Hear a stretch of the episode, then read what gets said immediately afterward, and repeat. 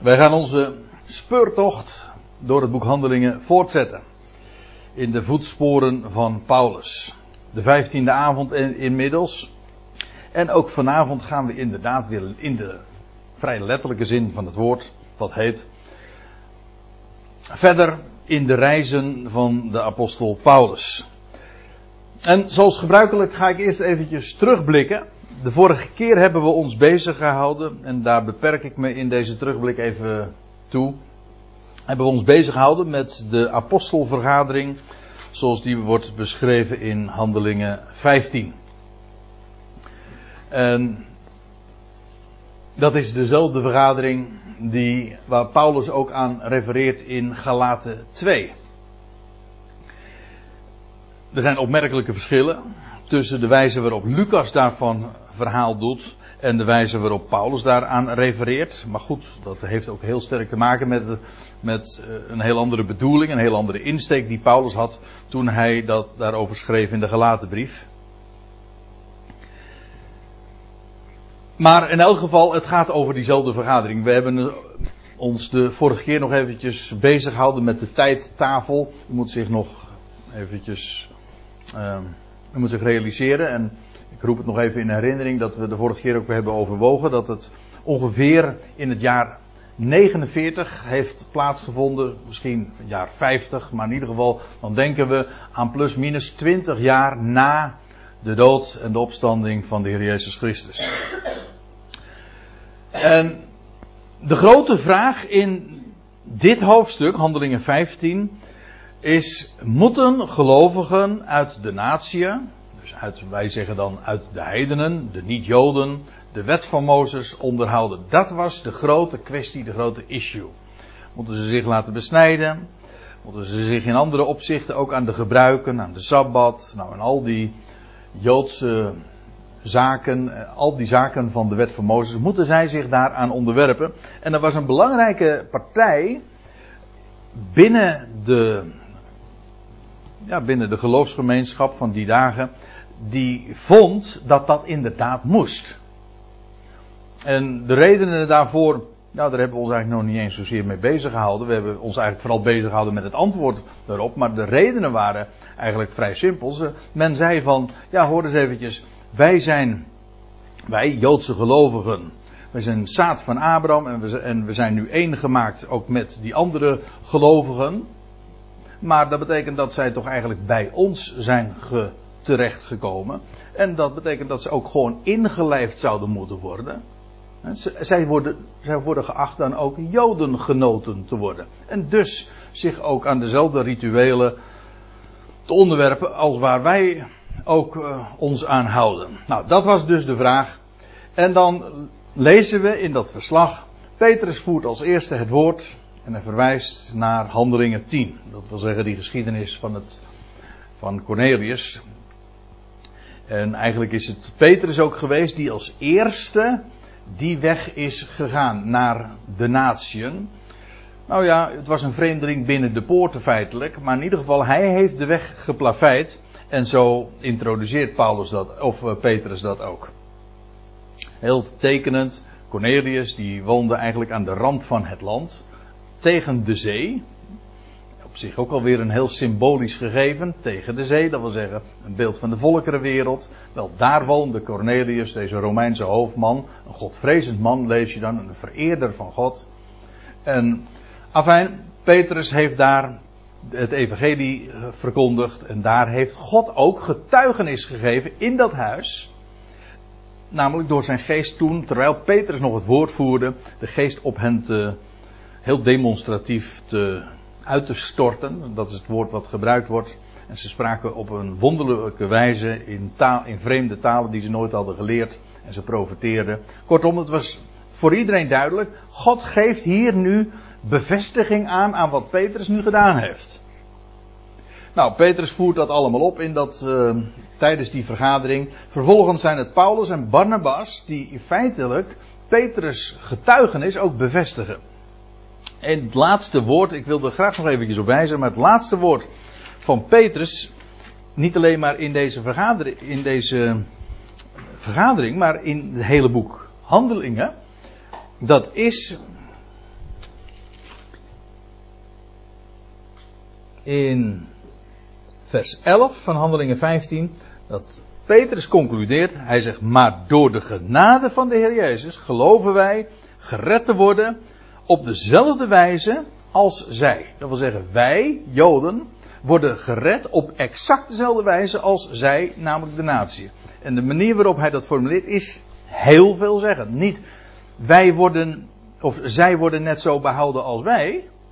Nee, wij, Joden, worden net zo behouden als die heidenen. Als, namelijk gewoon door genade. En niet door werken. En dus ook niet door rituelen en door het onderhouden van de wet van Mozes. Nou, dat was heel duidelijk. En Paulus en Barnabas die bevestigen dat, want die konden inmiddels verhalen wat God allemaal al door hun handen heen en in hun hele geschiedenis heen had gedaan. Per slotverrekening, in het afgelopen jaar hadden zij in Klein-Azië gereisd. En nou, daar had God geweldige dingen gedaan.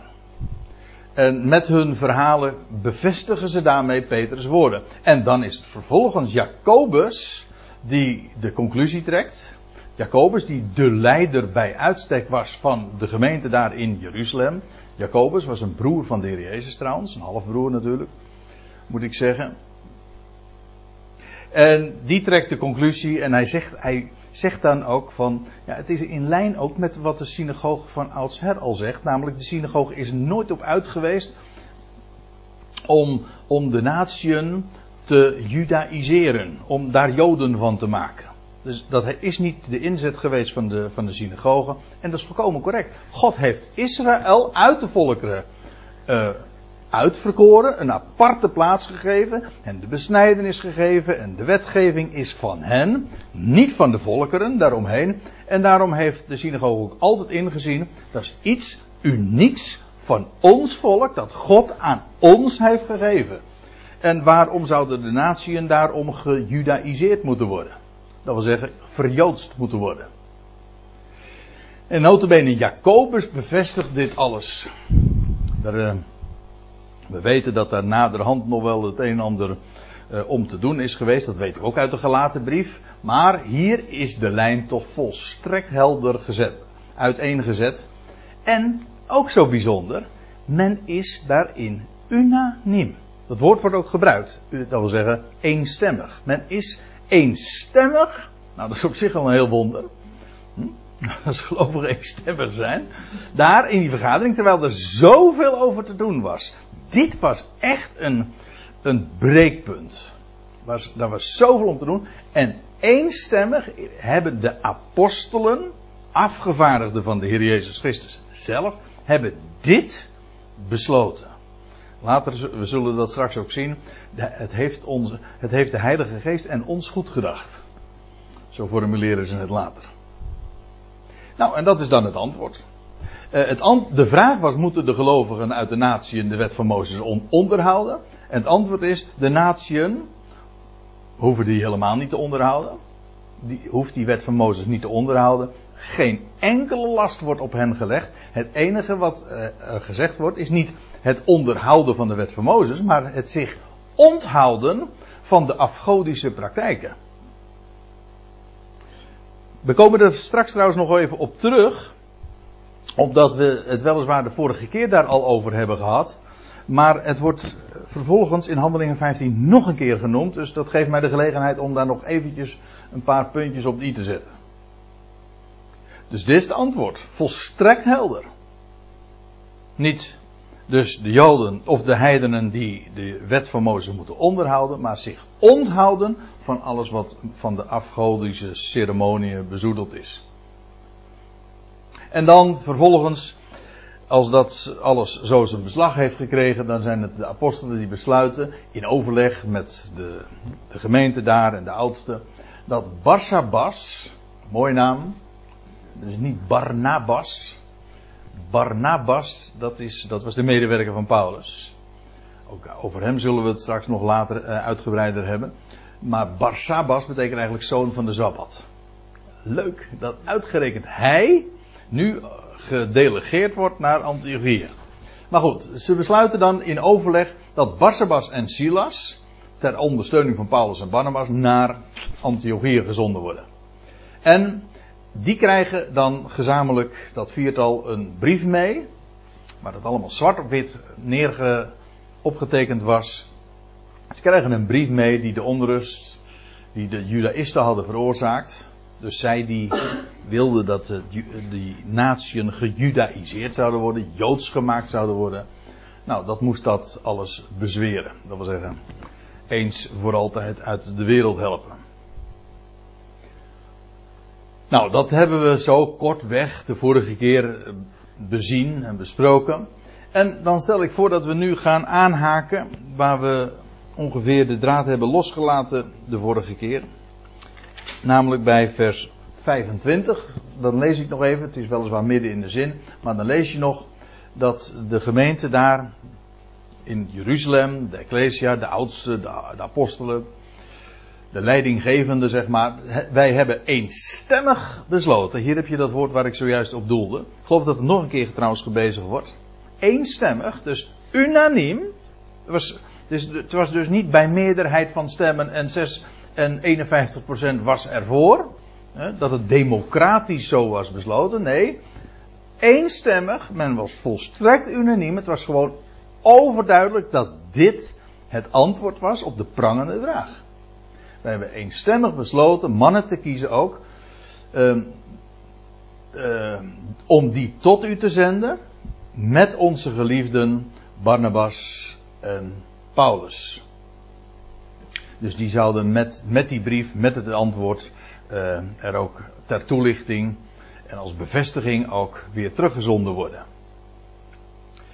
Mensen waarvan dan gezegd wordt in vers 26, die hun leven, letterlijk staat er, die hun ziel, of hun zielen, meervoud, de zielen van hen, hebben overgehad. Voor de naam, pardon.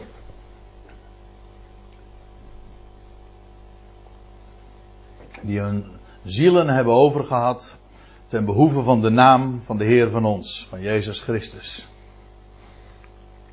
Nou, en dat is uh, inmiddels toch wel duidelijk in heel Lucas verslag. Want vanaf handelingen 9, dat Saulus geroepen wordt, nou is toch wel heel erg duidelijk dat hij voortdurend, dat begon al in Damascus, dat, uh, dat, hij, uh, dat hij zijn leven niet zeker was. Toen ging hij vervolgens naar Jeruzalem. En dan moest hij ook weer maken dat hij wegkwam. Werd hij ook, er was ook een moordaanslag op hem ge, werd er beraamd. Nou, en zo ging het maar door. Handelingen 13 en 14, hij is gestenigd. En hij moest iedere keer maken dat hij wegkwam. Dat, en we zullen dat, we zijn nog maar in handelingen 15. Het boek gaat door tot handelingen 28. We zullen er nog tig keer meemaken en lezen dat dat inderdaad zo is. Paulus, in het bijzonder, maar met hem ook Barnabas. Ze hebben hun ziel overgehad. Hij zegt later, trouwens ook in ditzelfde boek, Handelingen, in tegen de oudste van uh, Efeze, dat hij zijn leven niet kostbaar achtte. Dat tel, dat, hij zegt, ik tel het niet. Het ging hem slechts om deze naam. En dat was geen theorie, dat was zijn leven, dat was zijn praktijk. Nou, wij hebben dan, wordt er dan vervolgens gezegd, Judas, wij, dat zijn dus, dat is de brief uh, die, uh, zeg ik het nu correct?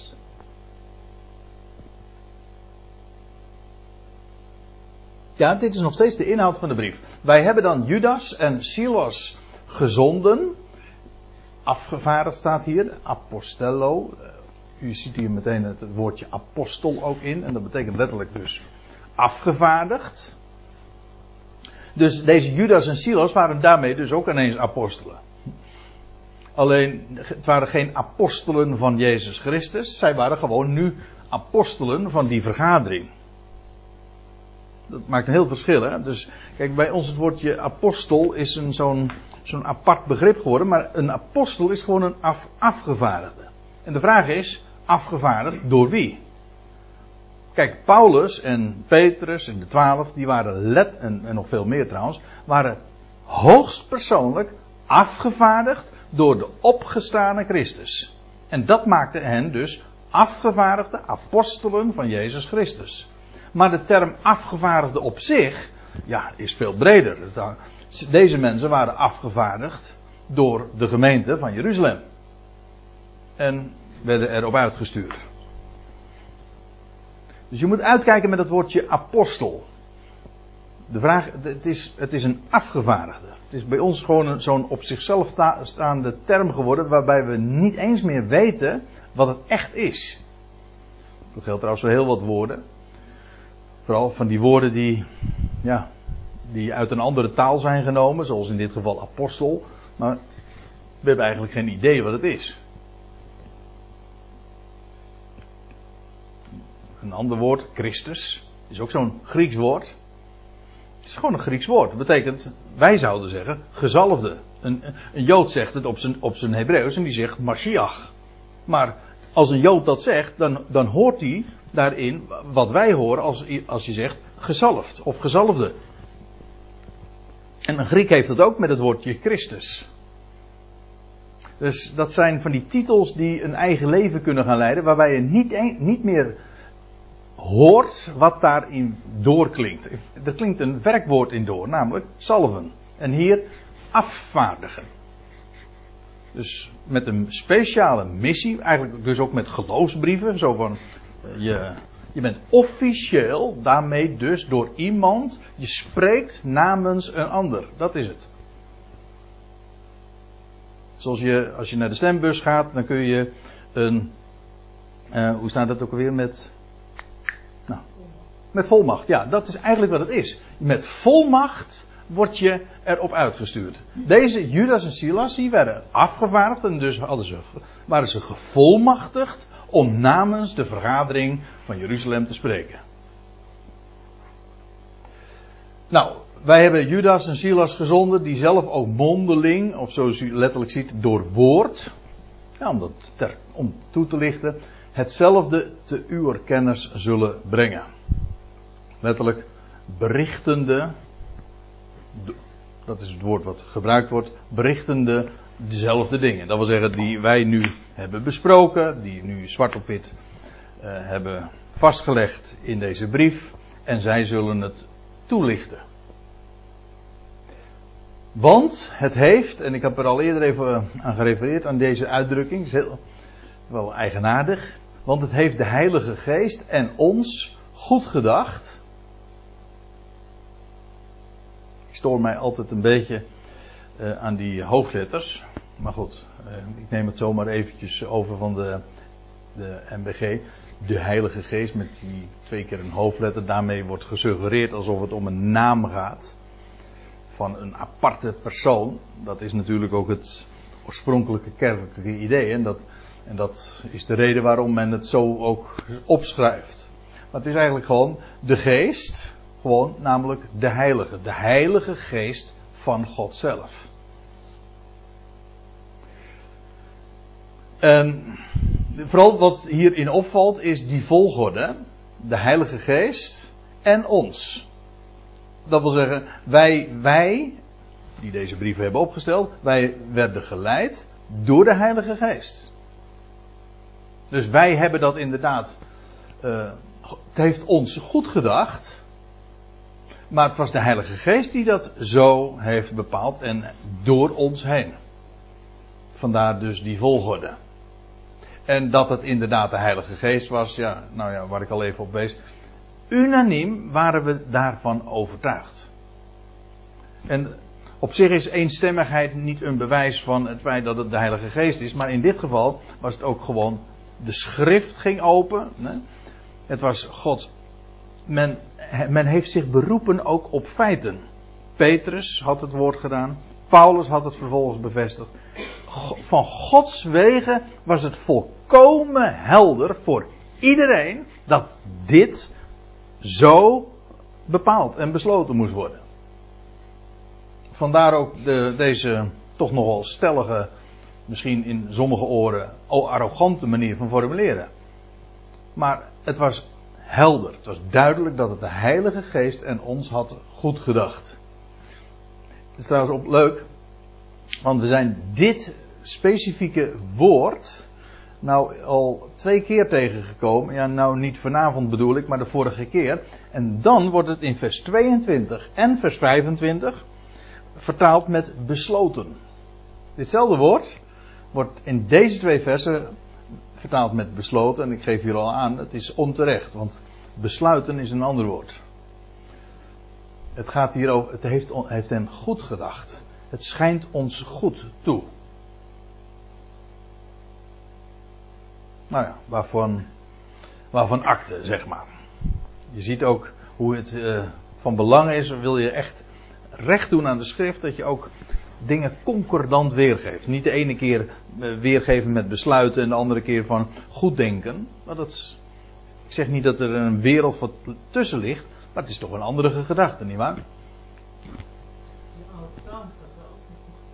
Klopt dat? Ja? Is dat zo? Oké, nou ja, dan zie je. Wat we al vaker hebben gezegd.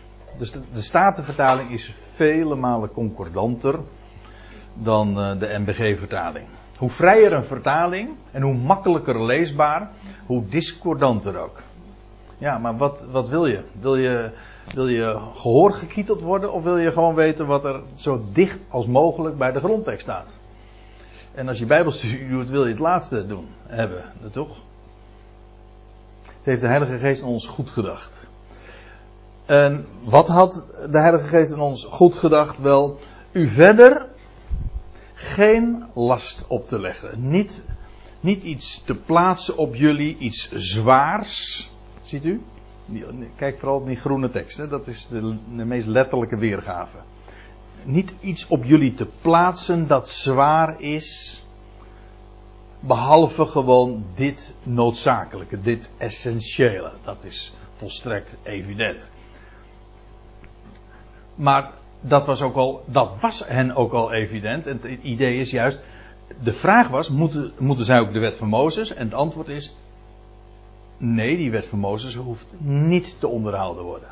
En er wordt verder geen last opgelegd. Het enige wat van belang is, en dat is wat essentieel is, dat is dit, onthouding, niet, dus niet onderhouding van de wet, maar onthouding van hetgeen de afgoden geofferd is. Kijk, kijk.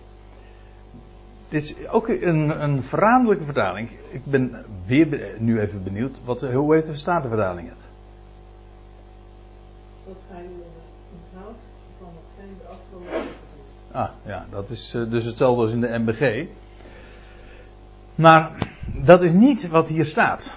Er staat letterlijk uh, onthouding van afgodenoffers. Ziet u? Zich te onthouden van afgodenoffers. En, ja? Oké. Okay. Ja. Nou, je ziet het. Er staat letterlijk van afgodenoffer. En in de MBG staat er dan van hetgeen de afgoden geofferd is. Wat is het verschil? Kijk, deze weergave suggereert dat als iets aan de afgoden geofferd is, vlees, en het komt dan vervolgens in de vleeshal terecht, dan zou je daarvoor niet mogen eten. Want het is de afgoden geofferd. Maar dat is, daar zou Paulus nooit zijn fiat aan gaan hebben gegeven. Want lees het maar eens na in de Korinthebrief. Daar zegt hij juist.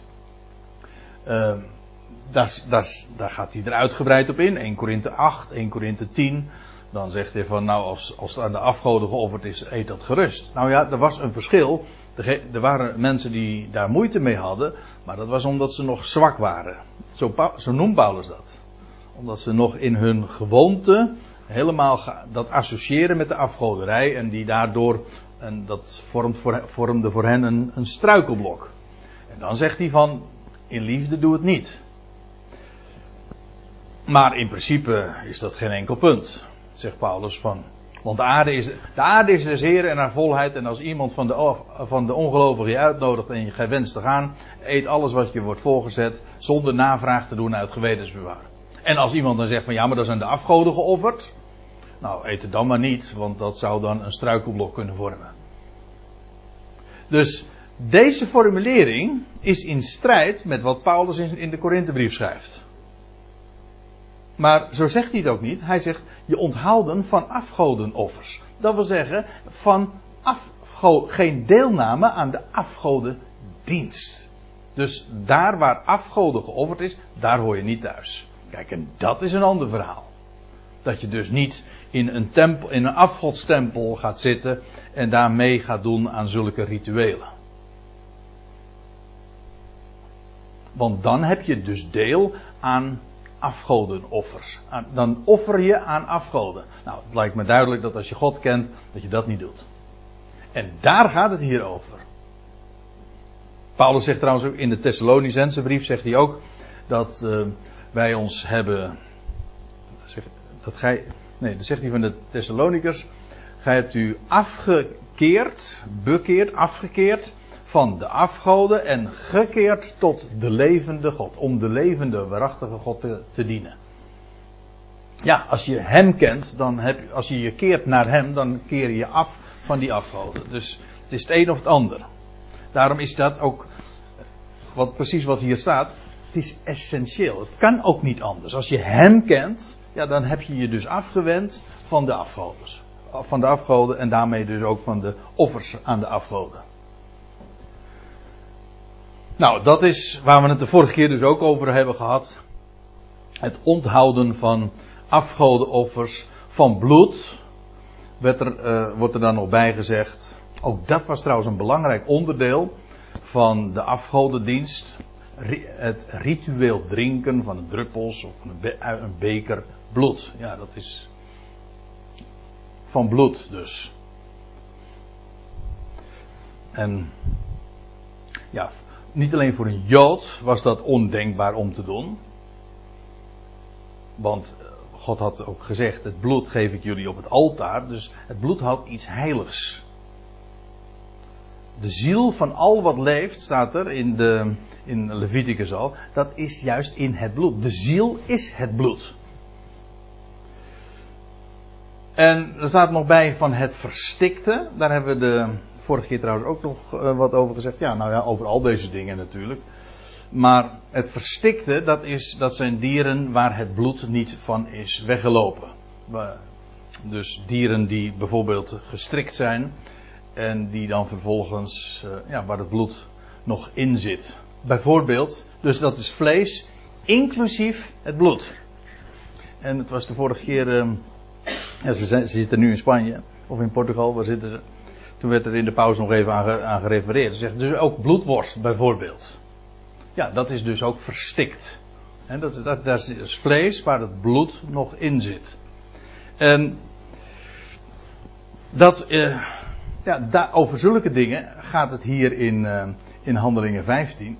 Ik weet niet of u dat eh, wel eens vaker eh, hebt overwogen. Het is eigenlijk heel eigenaardig hoe men in de christenheid heeft men de dingen van het verbond dat God gesloten heeft met Abraham, neemt men over. Bijvoorbeeld de besnijdenis. Daarvan zegt men, ja, dat is dat de besnijdenis, dat is eh, eh, overgezet nu ook in de kerk. Het verbond met Abraham, zijn vriend, dat bevestigt hij van kind tot kind. Alleen de, vorm van het ritueel is dan gewijzigd. Dat wil zeggen, de in de plaats van de besnijdenis is de doop gekomen. Maar het hele gedachte is nog, dat verbond met Abraham, dat besnijdenisverbond, dat gaat nu nog steeds door. Dus men heeft het verbond dat God sloot met Abraham en zijn zaad, heeft men overgenomen en toegepast op de kerk. En daarmee heeft men dus iets wat niet voor ons is, heeft men zich toegeëigend. Maar er is iets anders, en daar heeft men helemaal geen benul van. Het verbond dat God ooit sloot met Noach. En als ik hier verwijs naar Genesis 9, ik heb de vorige keer dat schriftplaats, die schriftplaats ook genoemd. Maar goed, omdat ik er nog een vraag en een opmerking had gekregen, ga ik er nu nog even wat meer op in. Het is duidelijk dat dat verbond dat God sloot met Noach, dat was wereldwijd. Het was, het teken van dat verbond is trouwens ook de regenboog. En ja, die is over deze hele aarde gespannen. En bovendien, ja, het geldt voor Noach en zijn zonen en zijn nageslacht. Kortom, voor heel de mensheid, want we zijn allemaal nakomelingen van Noach. Nietwaar? En van Adam tot Noach at de mens geen vlees. De mens was vegetarisch. En dan lees je dat na Noach, na de vloed, dus de eerste 1651 jaar om precies te zijn, heeft de mens geen vlees gegeten. Vervolgens na de vloed geeft de God ook het vlees aan de mens. Maar staat er, het vlees met zijn bloed zult ge niet eten. Dat wil zeggen, het, het bloed zou je weg laten lopen. Het wordt verder daar niet zozeer gemotiveerd, maar later wordt dat wel uitgelegd. Waarom uh, dat ook is. Wel vanwege de waarde, de betekenis die bloed ook symbolisch heeft. Dus, maar dat is onbekend.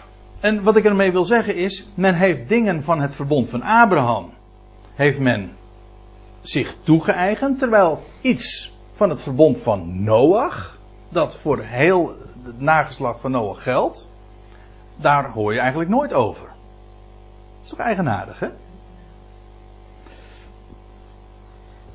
Terwijl het, uh, ik kan het niet anders inzien, uh, een heel evident gegeven is voor uh, toen in die vergadering, toen dat besloten is, Paulus was daar ook bij en Paulus geeft deze dingen ook zo door, dat verbond met Noach, want dat is waar het hier over gaat. Er, dit is niet een gedeeltelijke handhaving van de wet van Mozes.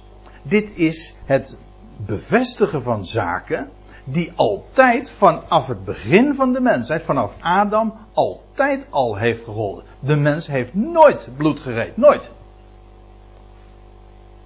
Tot Noach sowieso al niet, omdat de mens überhaupt geen vlees had. En nadien at de mens wel vlees, maar niet vlees met bloed. Nou, en dat is waar in deze vergadering in Jeruzalem aan gerefereerd wordt. En ik kan niet anders inzien, als ik er goed over nadenk, eh, dat dit gewoon inderdaad een universele toepassing heeft. Dus van bloed, van het verstikte en van hoererij. Is nog zoiets. Hoererij is niet pas, uh, wordt niet pas veroordeeld in de wet van Mozes, dat is altijd al zo geweest. Hoererij, dat is, het Griekse woord is porneia. Nou, dat woord, die eerste vier letters van dat woord uh, moeten toch veelzeggend zijn. Porn. dat, is, dat heeft te maken met. Ja, nou laat ik het dan maar zeggen met de woorden van 1 Korinthe 6. Het is één vlees zijn met iemand die niet je man of vrouw is.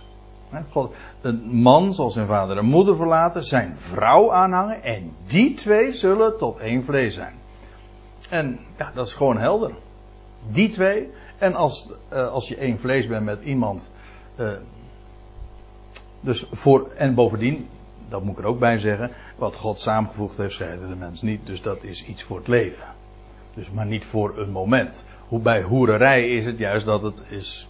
Je bent, één, je bent één vlees met een hoer, maar vervolgens uh, houdt dat. Uh, het is geen, het is geen. Je, bent, je hebt wel gemeenschap, maar je vormt geen gemeenschap. Nou, dat is wat porneia is.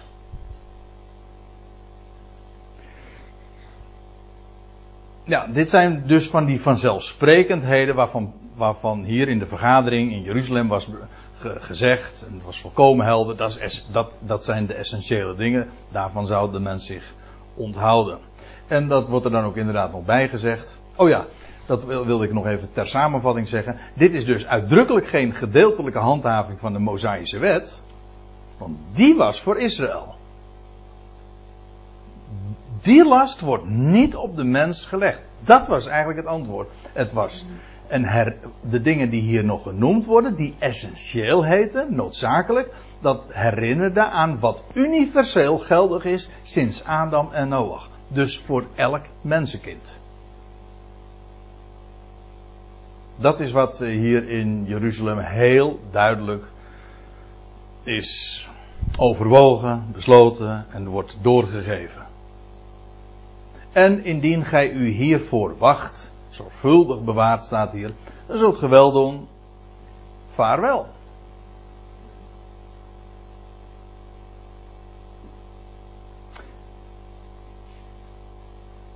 Ja, is dat helder? Nou, dan gaan we verder.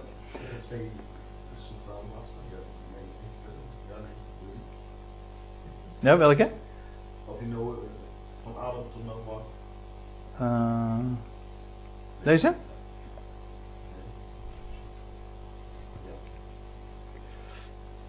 Dus van, sinds de dagen van Adam was dat van hoerij volstrekt al helder. Van, dat van, van bloed en verstikte ook. Omdat men überhaupt alleen maar uh, plant, een plantaardig menu at. En sinds Noach at men wel vlees, maar was daar heel uitdrukkelijk die onthouding van bloed. En dus ook van het verstikte. Maar dat is dus universeel. Terwijl die Mosaïsche wet, dat is heel uitdrukkelijk gegeven aan één volk. Van hen, hoe zegt Paulus dat in Romeinen 9? Zij zijn Israëlieten. Aan hun, aan hen wordt, hoe zegt Paulus dat dan? Dan noemt hij zeven voorrechten die aan hen gegeven zijn. Ik zou ze uit mijn hoofd moeten kennen, maar. Immers, zij zijn Israëlieten. Hunner is de, het zoonschap, de heerlijkheid, de verbonden. Let op, de verbonden, meervoud. Niet alleen het oude verbond, maar ook het nieuwe verbond is eigenlijk van hen. En de wetgeving, daar hebben we het hier over. Van wie is die wetgeving? Van hen.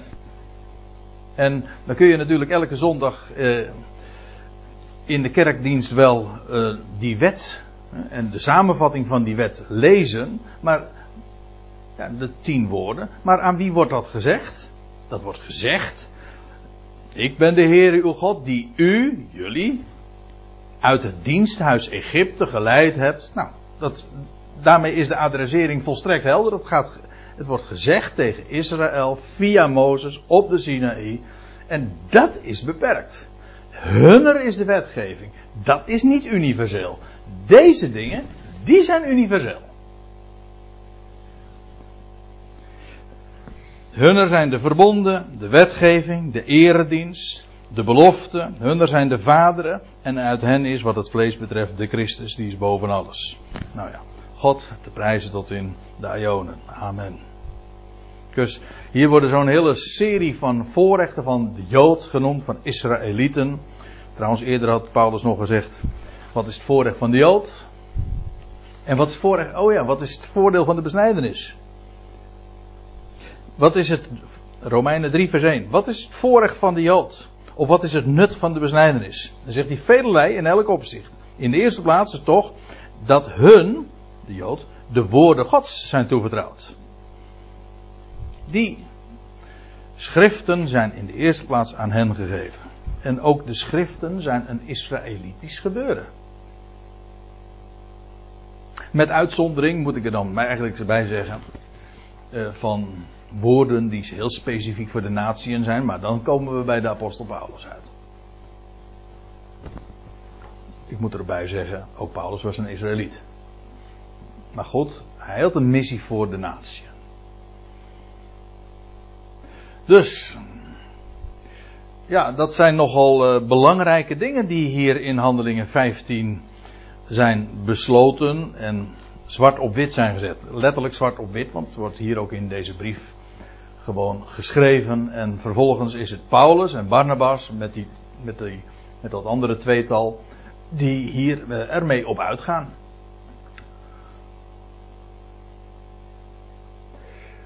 En staat er dan nog bij, uh, toen men afscheid van hen genomen had,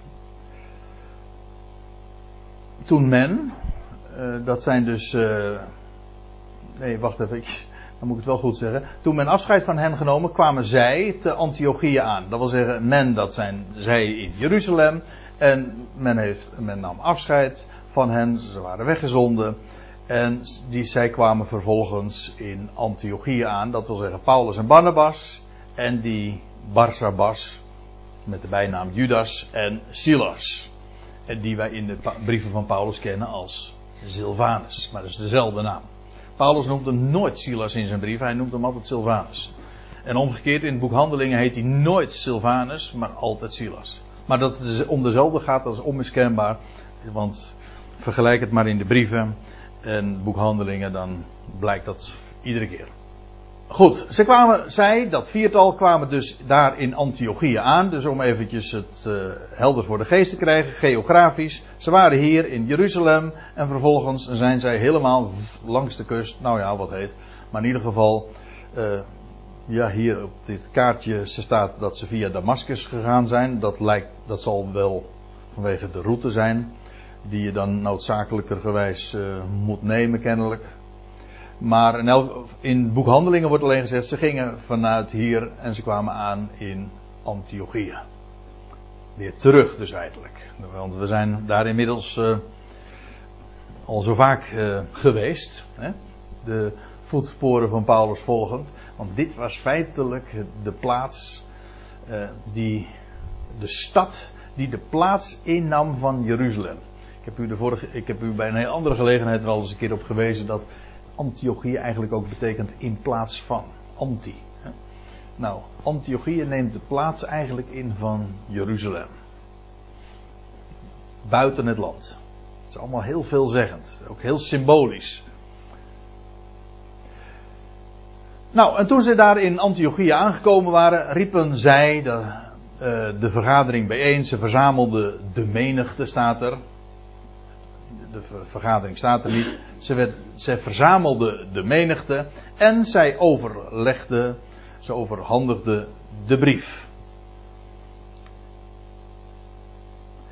En toen zij die gelezen hadden, letterlijk, en al, je ziet het hier hè, toen zij die gelezen hadden, maar staat eigenlijk gewoon lezende. Dus terwijl zij die brief lezen, verblijden zij zich. Prachtig woord. Dus die, moet je je voorstellen, hè?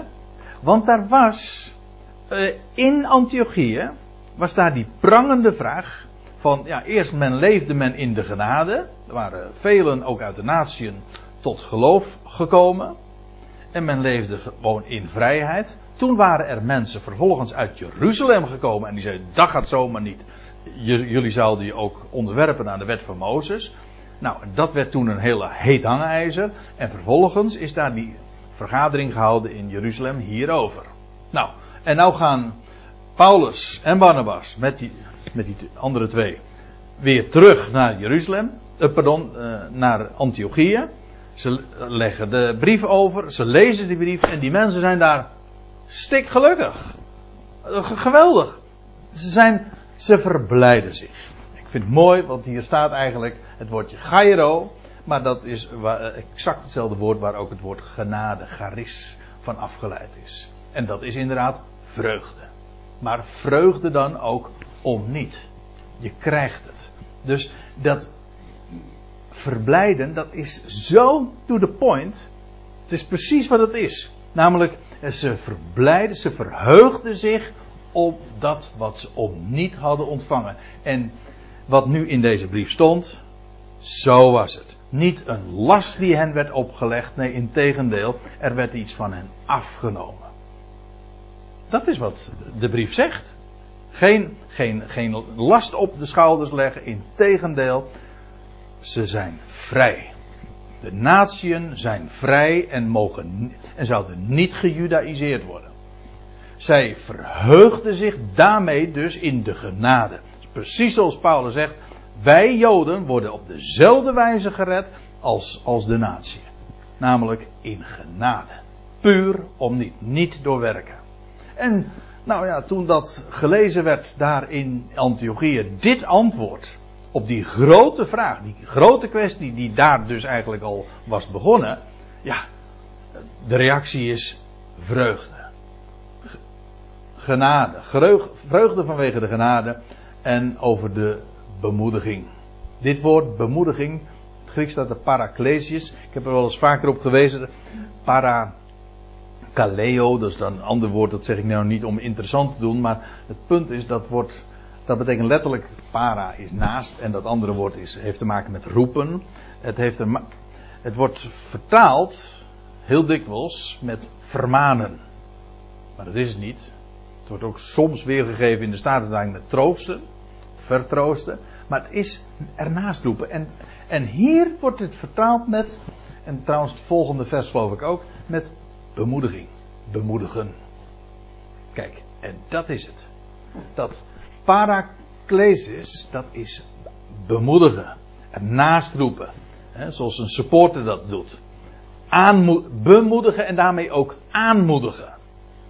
En hier zie je, ze verblijden zich over deze aanmoediging. Ze hadden, ze hadden de boodschap van genade van Paulus vernomen. En het bleek inderdaad, dat was nu bevestigd in deze brief. Het was, het was genade en het bleef genade en geen last op de schouders. En dus de reactie was vreugde. Want, en dit was puur een bemoediging. Prachtige vertaling. Jammer alleen dat ze het niet zo consequent hebben volgehouden. Concordant dus. Dat men het bij andere gelegenheden vertaalt met, het, met vermaning. Ja, dat is jammer. Dat is, dan heb je, de, dan heb je als, als met een sinaasappel heb je de, de genade eruit geperst. En dan blijft er een vermaning over. Terwijl dit zit erin. Als, als, als de reactie op, zo, op Paraklesis niet die vreugde is, dan is er iets mis. Nou, meeste mensen worden niet blij als je dit doet hoor. Nee, maar dit was een bemoediging. Dit was echt een bemoediging en een aanmoediging. Ja, nou laat ik dat vers er dan nog even bijnemen. En Judas en Silas, dat tweetal dus wat met Paulus en Barnabas meegegaan was, die zelf ook profeten waren. Profeten waren er in die dagen nog. Het was nog niet de tijd waarvan Paulus in 1 Korinthe 13 zegt, al vooruitblikkend, hij zegt er komt een tijd dat de profetieën zullen afgedaan hebben, letterlijk buiten werking gesteld zijn.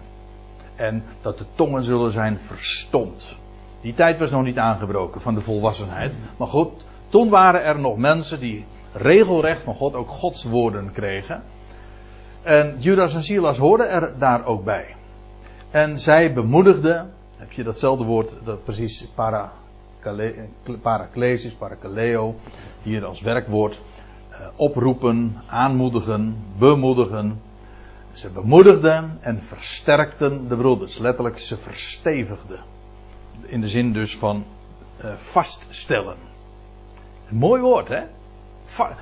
Ze, stonden in de genade, maar niet vast. Dat zie je vaker in de. Uh, lees je van de Corinthiërs ook, hè? Ze stonden in het evangelie van de opstanding, maar ze werden bewogen. Ze stonden dus niet vast. En wat er dan nodig is, dat je vastgesteld wordt. Dat je onwankelbaar wordt. Nou, deze Judas en Silas, die ook die brief hadden meegekregen, daar in Antiochië, ze moedigden hen aan, vreugde, maar ook ze bevestigden de broeders. In de genade waar ze ooit al in stonden, maar waardoor ze juist bewogen waren. En nu werden ze bevestigd, verstevigd. Ja, en daarmee dus ook versterkt. Het is niet het is geen kritiek op deze weergave, maar ik vind bevestiging juist zo veel uh, sterker, want het geeft aan dat ze inderdaad ergens in geplant waren, maar niet vast en onwankelbaar waren.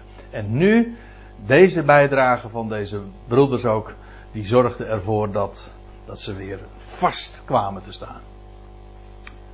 Wat een aanmoediging, wat een bemoediging. Met vele woorden. Eigenlijk staat er door veel woord gaat niet om woorden, maar woord. Door veel woord. Ik zou het haast met een hoofdletter zetten. Dat wil zeggen, woord van hem. Nou, dan gaan we straks eh, de draad weer oppakken. Of gaan we weer verder met vers 33. Maar ik stel voor dat we eerst eventjes ja, een kopje koffie drinken.